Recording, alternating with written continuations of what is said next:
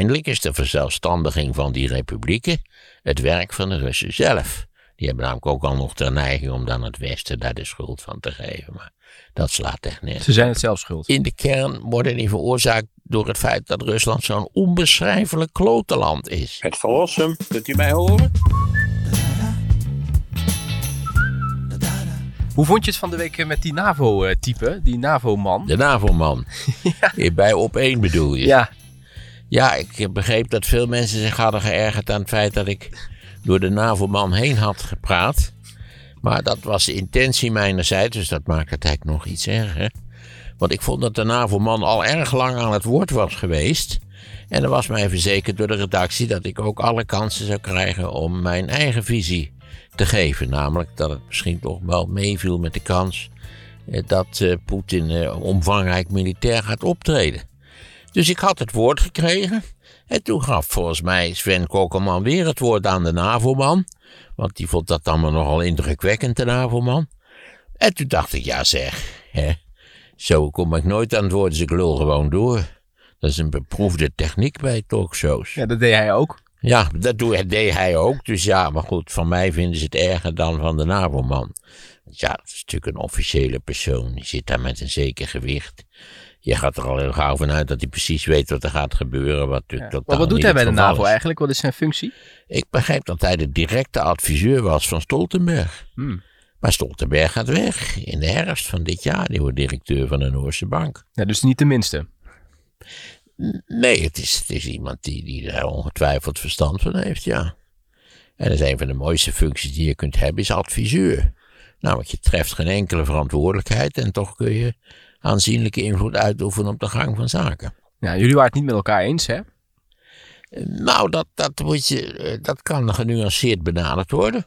Ik heb hem nog verzekerd dat, het, dat hij alle reden had om goed voorbereid te zijn. Ja, daar is die NATO voor. Dat ik een hele andere functie heb. Namelijk, ik moet het vermoeden uitspreken: gaat Poetin dat wel doen of niet doen? En bovendien kun je daarbij uitleggen, ook weer heel genuanceerd, dat het voordelen heeft misschien om, althans beperkt iets te doen, maar dat het ook allerlei nadelen met zich meebrengt. Dus ik heb een fundamenteel andere functie dan iemand die ervoor moet zorgen dat de hele NATO-boel dat die, dat die op een rijtje staat. Overigens gaat de NATO helemaal niks doen natuurlijk. Ja, die stuurt 3000 troepen naar Oost-Europa. Ja, dat heeft verder is volkomen betekenisloos. Je moet uh, voldoende barakken vinden om ze onder te brengen, zal ik maar zeggen. Maar dat zal Poetin er niet van weerhouden. Kun je afvragen natuurlijk of Poetin niet, niet de doos van Pandora heeft geopend met, met die actie die hij nu ondernomen heeft. Omdat hij natuurlijk ook langzaam het dilemma gecreëerd heeft dat hij wel iets moet doen, gezien de immense opwinding en de, en de omvangrijke mobilisatie die hij die, die tot stand heeft gebracht. En hij kan natuurlijk een hele tijd blijven intimideren, maar of hij doet wat, die kans is er. Ik denk nog steeds dat de kans groter is dat hij of helemaal niets doet en zegt: zie je wel, ik heb gewonnen. Ik zou maar zeggen, het Westen zou kunnen zeggen, nou we zijn helemaal niet van plan de Oekraïne lid van de NATO te maken. Dat waren ze niet van plan. Dat zijn ze niet van plan. En zullen ze niet van plan zijn. Nee. Maar daar kan uh, Poetin natuurlijk wel een mooie sier mee maken. Die NAVO-man besprak dat, of die weersprak dat. Hè? Die zei dat, dat zie ik toch niet zo.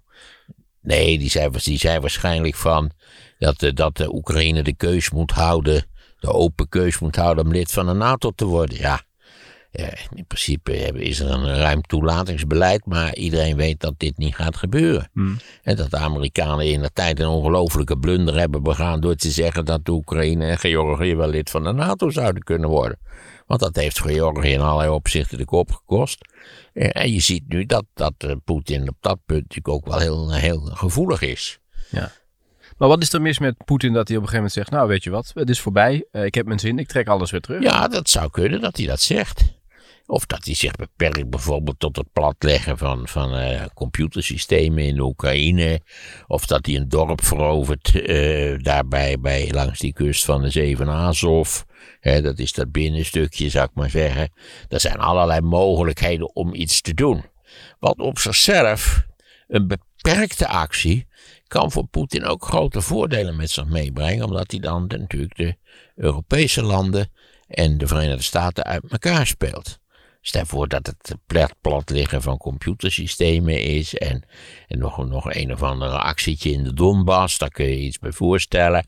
En, en dat, eh, dat bijvoorbeeld Duitsland zegt van, nou ja, dat is toch niet zo serieus. En hoeven we Nord Stream toch eigenlijk niet voor af te sluiten. Dat zou een beetje flauwekul zijn op, op basis van deze gebeurtenissen. Terwijl de Amerikanen dan zullen zeggen, nee, we moeten echt. Hè. Zware sancties Ja. hebben ze al gezegd. Want Zelensky heeft nu alweer gezegd, dat is die eh, premier van de Oekraïne, die naar ik begrijpen heb ook niet een erg consistent beleid heeft gevoerd. Van nee, we moeten ons rustig houden en het valt allemaal wel mee. En ik begreep uit de New York Times, eh, voor zover dat duidelijk is, dat in veel Europese hoofdsteden men eigenlijk het standpunt aanhangt van M. van Rossum, zonder dat hij daarover geraadpleegd is overigens. Namelijk dat hij het waarschijnlijk niet zal doen. En dat de Amerikanen denken dat hij het waarschijnlijk wel zal doen. Wat natuurlijk ook al, hè, dat is een moment waarmee, waar Poetin natuurlijk een mooie sier mee zou Ja. kunnen maken. Maar wat zit er dan achter die waarschuwingen van hij staat op het punt om het land binnen te vallen, haal Dat- alle mensen weg. Dat, is, eh, dat weten ze helemaal niet precies. Maar hoe roepen ze dat dan? Oh, die, die weghalen van die mensen, omdat er natuurlijk het eh, afschuwelijke schaduw van Kabul achter deze zaken opprijzen. Dus dat, kun je, dat willen ze niet nog een keer hebben. Natuurlijk een panische aftocht waar ze niks aan kunnen doen. En waar de telefoons niet werken en de baby's over de muren getild moeten worden. Dat willen ze niet. Dus ja, dat, dat is vrij begrijpelijk allemaal. Weten de Amerikanen wat ze zeiden deze week van nee, het is woensdag, aanstaande woensdag? Nee, dat is ook een slag in de lucht. Maar waarom doen ze dat dan? Waarom roepen ze Nou dat? ja, ook een beetje natuurlijk om, om, om in gesprek te blijven, om, om te laten zien dat het ze enorm eh, zorgen Ja. baart, dat, dat, dat, dat soort dingen. Want ze blijven wel Het is maar de doorbellen. vraag of Poetin weet wanneer hij iets gaat doen Ja. natuurlijk. Maar ze hebben wel weer, weer contacten. Ze gaan, Biden gaat bellen met. Vandaag, ze zouden Ja. vandaag bellen, zaterdag. En ik geloof dat de ministers van Buitenlandse Zaken, Lavrov en, en hoe heet die pief, die gaan ook bellen. Dus ja, ik denk nog steeds dat als je het calculeert, dat dat voor Poetin, of zeker op de middellange termijn, het nadeliger is om grootschalige militaire actie uit te voeren, dan om te zeggen na een tijdje van nou, kijk, ze hebben nu beloofd dat, hè, daar kun je, kun altijd wel iets van maken natuurlijk. Het is voor een belangrijk gedeelte natuurlijk ook voor de binnenlandse politiek bestemd. En, en dat zou betekenen dat hij misschien wel iets doet, maar relatief weinig. Ja. Maar Poetin is nu al de winnaar, toch?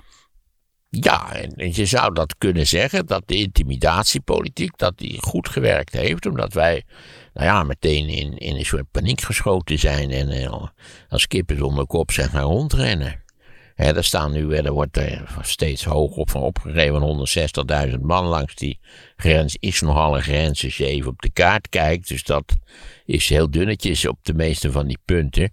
Maar voor een bezetting van de Oekraïne waren volgens eh, deskundigen zeker 600.000 man nodig. Voor een blijvende bezetting van een land als de Oekraïne. Eigenlijk hetzelfde verhaal, hè, wat dat probeerde ik ook nog tussen te brengen. Eh, ja, kijk naar de bezetting van Irak. En het drama wat er geworden is. Je kunt Russische tanks net zo goed opblazen als Amerikaanse tanks met bermbommen en een telefoontje van 20 euro. Dat kan. Overigens over telefoon. Je moet je telefoon even uitzetten. Moet heb je hem uitgezet. Oh, heb je gezet? Oké, heel goed. Ja. Maar het is natuurlijk zo dat de Amerikanen, als ze willen, zo over de Russen heen lopen. Militair gezien. Nou, niet daar, want daar zijn geen Amerikanen. Nee, maar in Oekraïne. En dan als je serieus wil vechten, dan heb je een enorm apparaat heb je nodig eh, ter ondersteuning. Ik geloof sowieso dat moderne legers 1 op 10 lopen. Hè, dus degene die daadwerkelijk schieten of beschoten kunnen worden, dat is 10% van het totale apparaat. Zeker in het geval van de Amerikanen, die natuurlijk ook nog een divisie hebben om chocoladerepen uit te delen en kippetjes te frituren. En nou ja, al die dingen die volgens de Amerikanen onmisbaar zijn om een beschaafd leven te leiden. Dat is zo. Maar Poetin dus nu de Maar winnaar. nogmaals, eh, de Oekraïne is helemaal geen lid van de NATO. Hm. Ik vind het ook niet verschrikkelijk handig dat, dat de Oekraïne, nou ik begreep, volgepompt werd met westerse adviseurs en zo. Want dat kan ook voor Poetin een goede aanleiding zijn om. En als je dan toch niet van plan bent om de Oekraïne militair te verdedigen, dat je, je gaat dat anders doen als die wat doet met sancties enzovoort, dan vind ik dat niet zo verschrikkelijk handig. Dat, dat, dat de Britten, begreep ik, daar een soort van semi-basis aan het bouwen zijn. Ja, dat eh, Johnson die roept ook hè, van het woord oorlog. En Ja, bij Johnson, je weet, dat is een man die eh, geen moment serieus moet nemen. Dus ook in dit geval zou ik dat zeker niet doen. Omdat hij natuurlijk binnenlands in grote problemen verkeert. En alles wat er in het buitenland gebeurt. En waarschijnlijk zit hij bit, bit hij voordat hij s'avonds gaat pitten in Downing Street 10, nietwaar? In dat duur verbouwde appartement. Bid hij even dat er echt oorlog komt, want dan overleeft hij het wel binnenlands. Dat zou mij niet verbazen. Ja. En een van de meest fantastische leugenaars. Nou, het is een man in hetzelfde categorie als Donald Trump. ja, je zou kunnen zeggen... Zijn hele carrière is gebaseerd op leugens. Ja. Rusland wordt dus nu eigenlijk hetzelfde behandeld. Hè? Grote mogendheid. Jij zei dat ook bij op één. Maar je zou kunnen zeggen, als je helemaal niets doet, je laat hem zijn gang gaan en je negeert hem een beetje om het gevoel te geven, ja, je telt niet echt mee, dan kan hij daar vrolijk zijn gang gaan. En dat wil je ook niet. Nee, dus dat is een hele lastige keuze, want je moet dat afwegen. Hadden we hem beter wat kunnen negeren? Ja, misschien ook niet zo verstandig. Kijk, eh, wat hij wil, of zoals hij de wereld ziet, daar zit ook al wat in. Het is niet zo dat hij voor van komen knetterrek is. Het is geen Trumpiaans type. Zeker niet. Eh, je kunt je best voorstellen dat je, als je denkt vanuit de Russische geschiedenis, dat het natuurlijk een hele rare zaak is dat die Oekraïne zich verzelfstandig heeft, in feite. Al moet je daarbij zeggen, dat is de Russen hun eigen schuld. Deze hele ontwikkeling is door Yeltsin opgestart. En vervolgens heeft eh, Rusland, de Russische Republiek, natuurlijk Oekraïne bij allerlei gelegenheden belazerd behandeld. Eh, zoals nu ook het geval is. Waardoor merkwaardig genoeg de paradox ontstaat dat de, laten we zeggen, de wens van de Russen om de Oekraïne als het ware strategisch terug te krijgen. Of in ieder geval te reduceren tot een soort eh, reusachtig Finland. Hè, want Finland, die zeezeering, dat is ook nog een optie. Eh, die leidt er natuurlijk toe dat die Oekraïners eh, veel meer nog dan ze al hadden de pest krijgen aan de Russische Republiek. En, dat speelt natuurlijk extra mee door dat die Russische Republiek zich natuurlijk sinds het jaar 2000 hoogst ongunstig ontwikkeld heeft. Het is een hele akelige, onaangename dictatuur die bovendien eh, economisch niet erg goed draait. Dus dat, ja, wie, wie, wil daar, eh, wie wil daar lid van worden? Wie wil ook onderdrukt worden door Poetin en zijn FSB? Ja. Ja, liever niet dus. Dat wil overigens niet zeggen dat Oekraïne een heel fijn West-Europees ogend democratisch land is. Het is zo corrupt als de pest. En je hebt er ook allerlei rare twisten. Je hebt daar ook oligarchen. Laten we het niet mooier maken dan het is. Maar je hebt ook je hebt begrip in feite voor beide kanten. Dat de Oekraïners niet terug willen, dat begrijp ik wel. Volkomen terecht. Wie wilde terug naar het huidige Rusland? En anderzijds begrijp ik ook wel de redenering van Poetin. Ja, wacht nou eens even. Maar traditioneel is de Oekraïne eh, sinds de, ja, de 18e eeuw al een onderdeel van Rusland. Dat Khrushchev, dat, die, die, hoe heet het, de, de, de Krim cadeau heeft gedaan aan de Oekraïne is natuurlijk was een heel raar besluit. Ik heb ook al vaak eerder gezegd, als ik Poetin was geweest, had ik de Krim ook bezet. Dat ligt de grootste marinebasis die Rusland heeft. En dat uh, Khrushchev dat rare besluit had genomen en niemand wist hoe dit zou lopen. Maar uiteindelijk is de verzelfstandiging van die republieken het werk van de Russen zelf. Die hebben namelijk ook al nog de neiging om dan het Westen daar de schuld van te geven. Maar dat slaat echt nergens. Ze zijn het zelf schuld. Kijk, de, uiteindelijk zijn de problemen in de kern worden die veroorzaakt door het feit dat Rusland zo'n onbeschrijfelijk klotenland is. He, was dat niet zo, had, had de Rusland zich economisch positief en, en in democratische zin ook positief ontwikkeld, dan zou het probleem in allerlei opzichten niet bestaan. Want dan kunnen Oekraïne en Rusland kunnen heel positief en goed bruikbaar samenwerkingsverband aan. Maar nu, kijk, die Russen zijn nooit te vertrouwen. Je ziet ook hoe dat met Wit-Rusland gaat. Dat er meteen een enorme instroom is van militairen en, en, en de FSB. Dat is die, die geheime staatspolitie, zal ik maar zeggen. Die er daar waar, hij, waar Poetin zelf uit afkomstig is. En ja, dat zijn geen vrolijke jongens. Die propaganda is natuurlijk ook wel interessant met die tafel, hè? Waar Macron aan zat. Ja, die achterlijke tafel. Ja, dat was wel ook. Want Macron wou zich niet laten testen, begreep ik later. Maar het was natuurlijk een. Ja, het was zo'n typische intimidatietafel, was het. Hè? Ik zag die tafel en ik denk, nou, hij gaat niks doen. Dat was zeker wat ik dacht. En waarom dacht je dat? Nou ja, natuurlijk ook zo'n Trumpiaanse tafel, grootspraak. En, maar ja, het zag er toch volkomen lachwekkend uit. Ja, maar het hoort natuurlijk wel bij de propaganda, bij dat hele spel. Hè? Daar is dit natuurlijk ook onderdeel van. Ja, als je dat, ja, het is wel een belachelijk spel dan. hè. Wat gewoon volstrekt lachwekkend. Ze konden elkaar niet eens verstaan. Er stond ook geen microfoon op tafel. Dus En ik denk dat er wel acht meter tussen zat. zeker.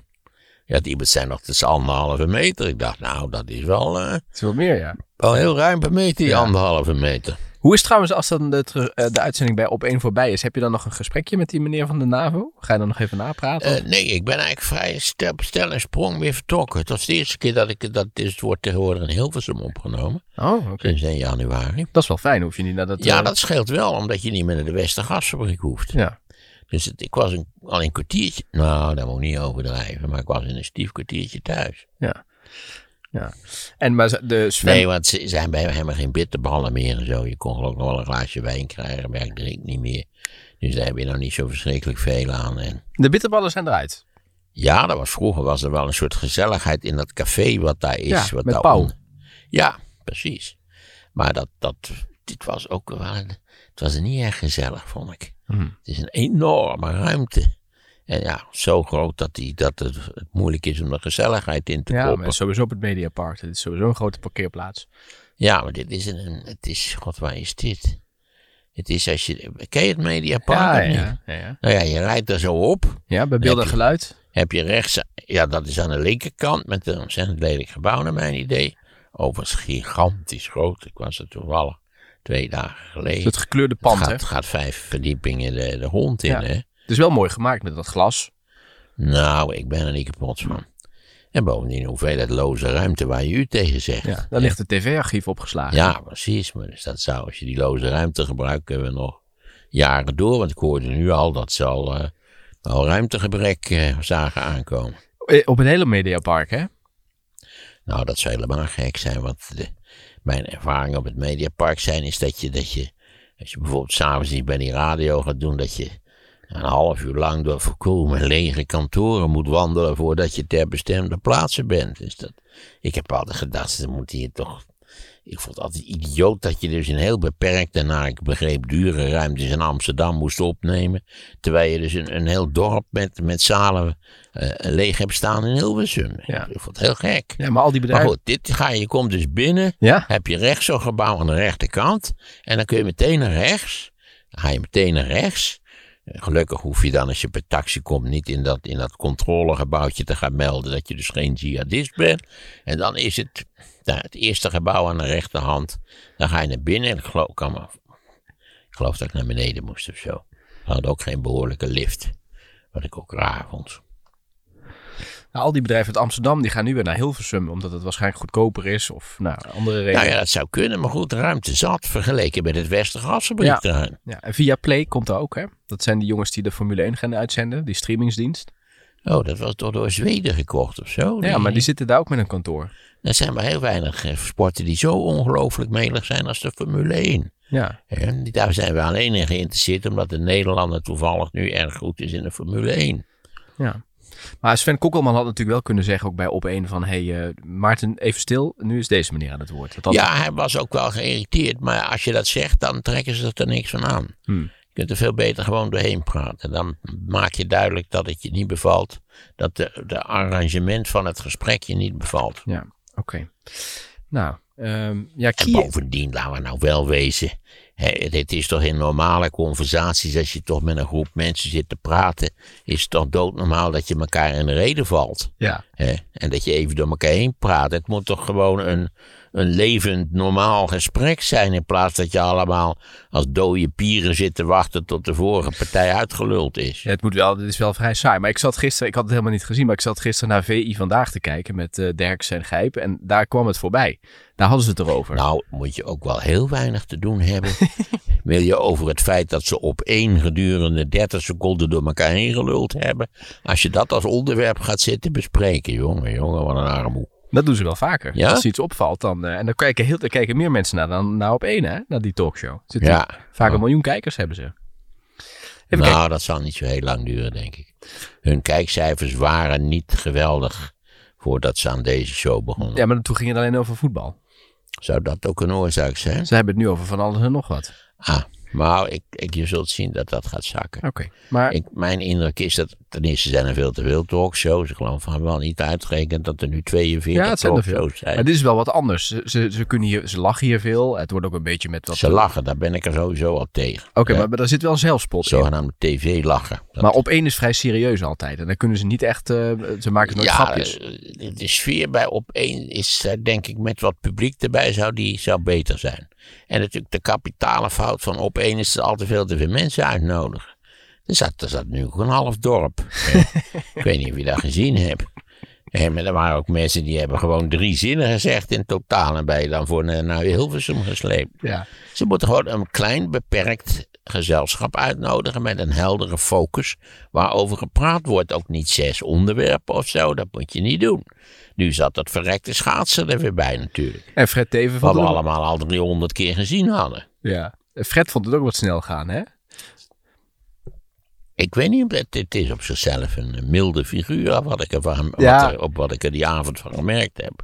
Ja, maar op een gegeven moment ging het over, ehm, over die partij waar hij leiding aan heeft gegeven. Eh, Leefbaar Nederland. En eh, dat werd even heel snel in een bijzinnetje uitgelegd. Ik wist niet dat hij daar leiding aan had gegeven. ja, dat zei Kokkelman volgens mij in het gesprek. Oh, die zou wel gelijk hebben, denk ik. ja, ja, ja. We hebben nog een vraag over dat Rusland-gedoe van eh Adrie Snijders uit Ro- de Rozelaan in Heer Hugo Waard. Daar woont hij. Hij zegt, Maarten, waarom zijn de Russen zo bang voor de NAVO? Nou, ze zijn niet zo verschrikkelijk bang voor de NAVO, want dat moet er nog even bijgezegd worden.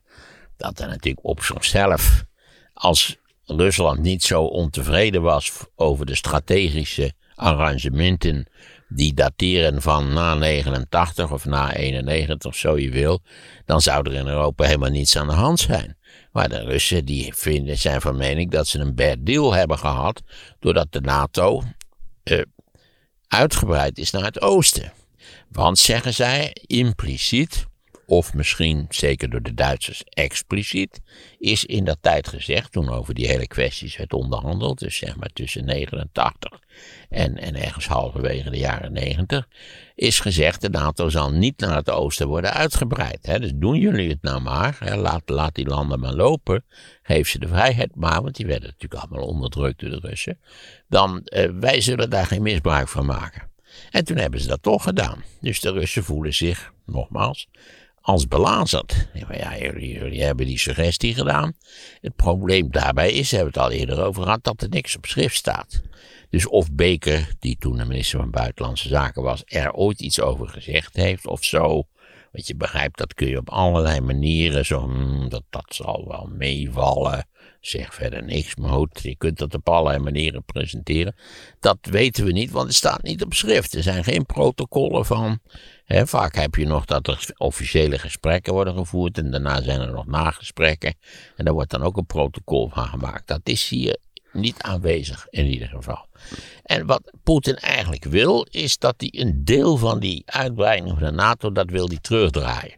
Laat staan dat hij zou kunnen leven met NATO-lidmaatschap van de Oekraïne. Wat ik vanuit zijn perspectief strategisch goed kan begrijpen. Als ik Poetin was, als ik ook zo'n boef was, eh, als ik bovendien toch vrij onzeker was over mijn hele positie en, en op zichzelf betrekkelijk zwakke positie van de Russische Republiek, dan zou ik ook zeggen, ja, dat, dat moeten we niet hebben. Dus het zijn minimumeis is denk ik dat er ex- expliciet gezegd wordt, de Oekraïne wordt geen lid van de NATO. Ja, of dat ook voor de, over 30 jaar nog zo is, dat weten we helemaal niet. Ja. Ik geef ook niet zo heel veel voor de stabiliteit van de Russische Republiek, eerlijk gezegd. En wat betekent dit incident voor de NAVO? Gaat er iets veranderen? Ja, het gekke is natuurlijk dat. De tweede paradox, we hebben er al één gehad. Maar de tweede paradox is natuurlijk dat door deze intimidatiecampagne. natuurlijk de NATO, die volgens Macron hersendood was. volgens vele mensen eigenlijk hersendood was. Want ja, wat had hij precies te doen? Eh, aangezien de, de tegenstelling van de Koude Oorlog waren weggevallen. Nu heeft Poetin eigenlijk die oude tegenstellingen weer een beetje nieuw leven ingeblazen. Met als gevolg dat de hersendode NATO. eh, je kunt je het voorstellen, die ligt daar op een in een ziekenhuisbed. En, eh, ja, met, met van die dingetjes, zo'n monitortje. En ineens is die NATO weer wakker geschrokken. En die gaat allerlei nuttige dingen doen. En troepen naar Oost-Europa sturen. En onderhandelen over Iedereen weet ineens weer wie de secretaris-generaal van de NATO is, namelijk Jens Stoltenberg. Misschien blijft hij wel zitten, bij wijze van spreken. Dus eigenlijk activeert Poetin het bestaan van de NATO. Wat eigenlijk een beetje, nou ja, de NATO lag wel een klein beetje op, op hoe heet het? eh, De IC. op auto, ja, op de IC, we het zo zeggen. Op een halve IC. Ja. Je hebt ook nog een halve IC als ik het wel heb. Maar is er nog een rol voor de NATO? Want we weten allemaal hoe dit is opgericht. Nou ja, eigenlijk niet. Het vervelende is dat die, daar waar de NATO een rol heeft gespeeld, eh, is dat eigenlijk strijdig met de verdragstekst van de NATO. Want de NATO heeft een, staat in, de, in het oorspronkelijke verdrag een speciale area, een bepaald gebied waar de NATO actief is. Namelijk, het heet ook Noord-Atlantische Verdragsorganisatie. Maar de Amerikanen hebben met enige regelmaat hun bondgenoten onder druk te zet, gezet om ook bij te dragen aan al die halfgare interventies die ze, eh, die ze ondernomen hebben. En ik denk daarbij aan Irak en Afghanistan natuurlijk. Waar Nederland bijvoorbeeld ook eh, aanwezig is geweest. Want ja, dan moet je een beetje meedoen en zo. Je kunt niet zeggen stik de moord. Maar al hebben de Duitsers en de Fransen dat natuurlijk wel gedaan. Waar ze groot gelijk in hadden. Zeker. De Amerikanen waren in de tijd ook enorm pissig dat de NATO-bondgenoten niks aan Vietnam wilden doen. Maar dat, dat, het verdrag is zodanig gestructureerd, dat hoeft niet, dat staat er niet in. Het is de Noord-Atlantische Verdragsorganisatie. En in die zin zou ik zeggen, ja, ja, laten we nou wel wezen, die NATO is natuurlijk in elkaar geschrompeld sinds 1989, omdat er, ja, dat die, die enorme tegenstellingen van de Koude Oorlog grotendeels zijn verdwenen. Oh, ze hebben de Amerikanen ook weer alle hele nuttige verdragen met, eh, met de Russen hebben ze opgez- opgezegd. eh, met name wapenafspraken hebben ze opgezegd. Daar is die eikel van een Trump mee begonnen. Dat is bij mijn weten niet teruggedraaid. Maar de NATO zou, zouden zichzelf nog opnieuw kunnen uitvinden? Of zeg je nou, dit is einde oefening? Nou, dat, dat is een beetje wie erover spreekt. Eh, het is natuurlijk duidelijk dat Macron graag zou zien dat de EU ook, ook laten we zeggen, in strategisch opzicht een, een een factor wordt waar rekening mee moet worden gehouden in de wereld. En dat velen anderen denken, nou ja, we hebben die NATO nou. Zo handig dat Amerika speelt daar natuurlijk de eerste viool. Ook wat betreft uitgaven en, en strategieën enzovoort. Dus, eh, nou ja, een beetje het idee wat we altijd gehad hebben sinds de NATO is opgericht. April 49. Eh, van dat is fijn dat wij onder de Amerikaanse paraplu mogen schuilen. Ik zelf vaar een, een nogal opportunistische middenkoers. Ik weet het eigenlijk niet precies. Het probleem is toch dat ik wel voel voor wat Macron wil. Maar ja, dat, dat als je natuurlijk naar Europa kijkt, dat, eh, Nee. met name Duitsland natuurlijk voelt geen reet voor enige vorm van actief militair optreden. Volkomen terecht, naar mijn idee. Daar ligt toch een historische erfenis die zo gruwelijk is dat je, dat je zegt, nou, doe nog maar eens 50 jaar niks. Dat vind ik zo gek. Scholz gaat ook naar Oekraïne hè, deze week. Ja, nou ja, hij zal daar ook gewoon eh, de praatjes houden die hij al gehouden heeft. De Duitsers zijn in deze crisis ook heel terughoudend. Dus ja, wat ik al zei, Poetin, als hij een beetje handig is, kan hij de Europeanen en Amerikanen mooi uit elkaar spelen natuurlijk. Hmm. Want de Europeanen zullen veel minder geneigd zijn om radicale maatregelen te nemen als Poetin dus alleen een paar, paar kleine pesterijtjes eh, organiseert. Ja. En terwijl Biden toch zei van we gaan niet op ze schieten. Want ja, dan, heb Nee, je, dat gaat hij zeker niet doen. Dan hebben we een nieuwe wereldoorlog, zei hij. Nou, dat wordt ook allemaal erg makkelijk gezegd. Maar dat zie ik nog niet zo gebeuren. Want waar zou dat dan precies over gaan? Niet waar de essentie is toch dat de NATO helemaal niet van plan is om Rusland aan te vallen. A. En essentie B is natuurlijk dat de Oekraïne geen lid van de NATO is en het ook niet gaat worden. En dat iedereen weet dat dat zo is. En dat betekent dat de Amerikanen niets militairs zullen ondernemen in het geval dat. Ja, zo, zo liggen de kaarten. Je kunt dat mooi of niet mooi vinden. Je hebt natuurlijk allemaal houtdegens van. We moeten keihard optreden. Dat zou ik vooral allemaal niet doen. Ja. Hoe vind je eh, Biden overkomen hè, in deze hele Nou, crisis? niet best. Ik vind het niet groots. Eerst heeft hij het een beetje, beetje superroos aangespeeld. Van het viel allemaal wel mee. En toen ineens is hij in een soort hogere versnelling gegaan. Dat vond ik niet bijster evenwichtig, eerlijk gezegd. En hij vergat ook nog wat, hè? graag zien iets meer overleg misschien met de Europese bondgenoten. Het probleem is natuurlijk dat Poetin niet geïnteresseerd is in overleg met de Europese bondgenoten. Want Poetin wil ook serieus genomen worden. Hè, denk aan die tafel.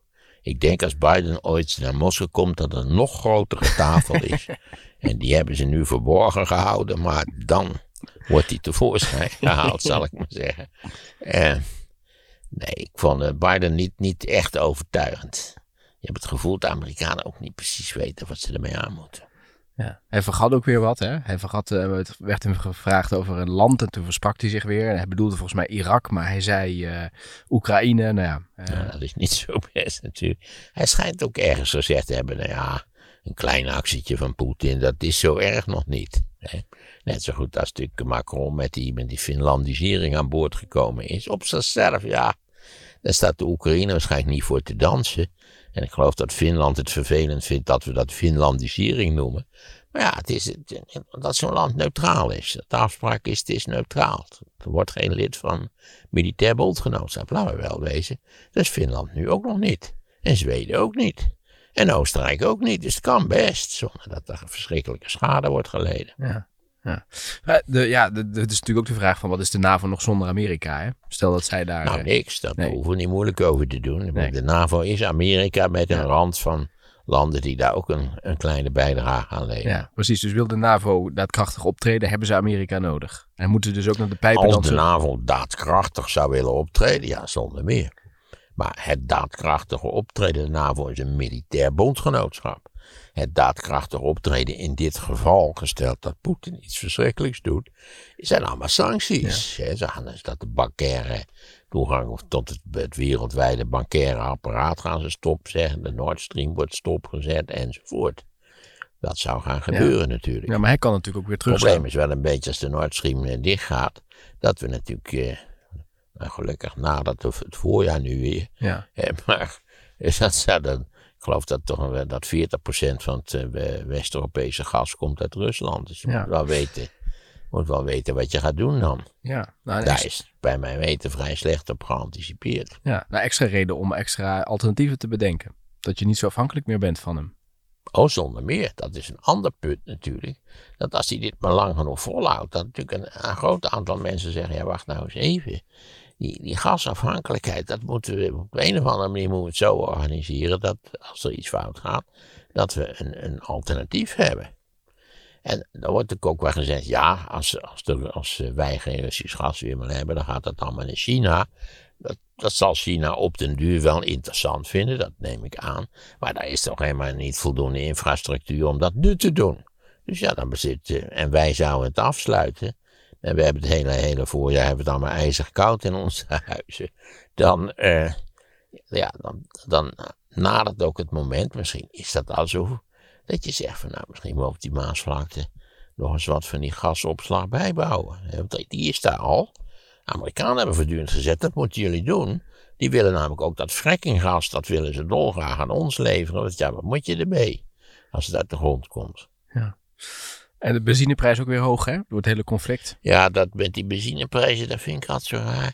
Dat als, het, als de, hoe heet het, de olie duurder wordt, dan schieten de benzineprijzen omhoog.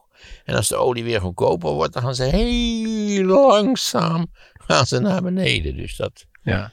ja. Maar is ook Ja. met de inflatie zo, hè? Eh, De hypotheekrente loopt weer iets op, maar op de spaarrekeningen houden ze dat ook eh, nog lange ja, tijd. precies. Dat is allemaal erg, en erg voordelig geregeld door de autoriteiten die erover gaan.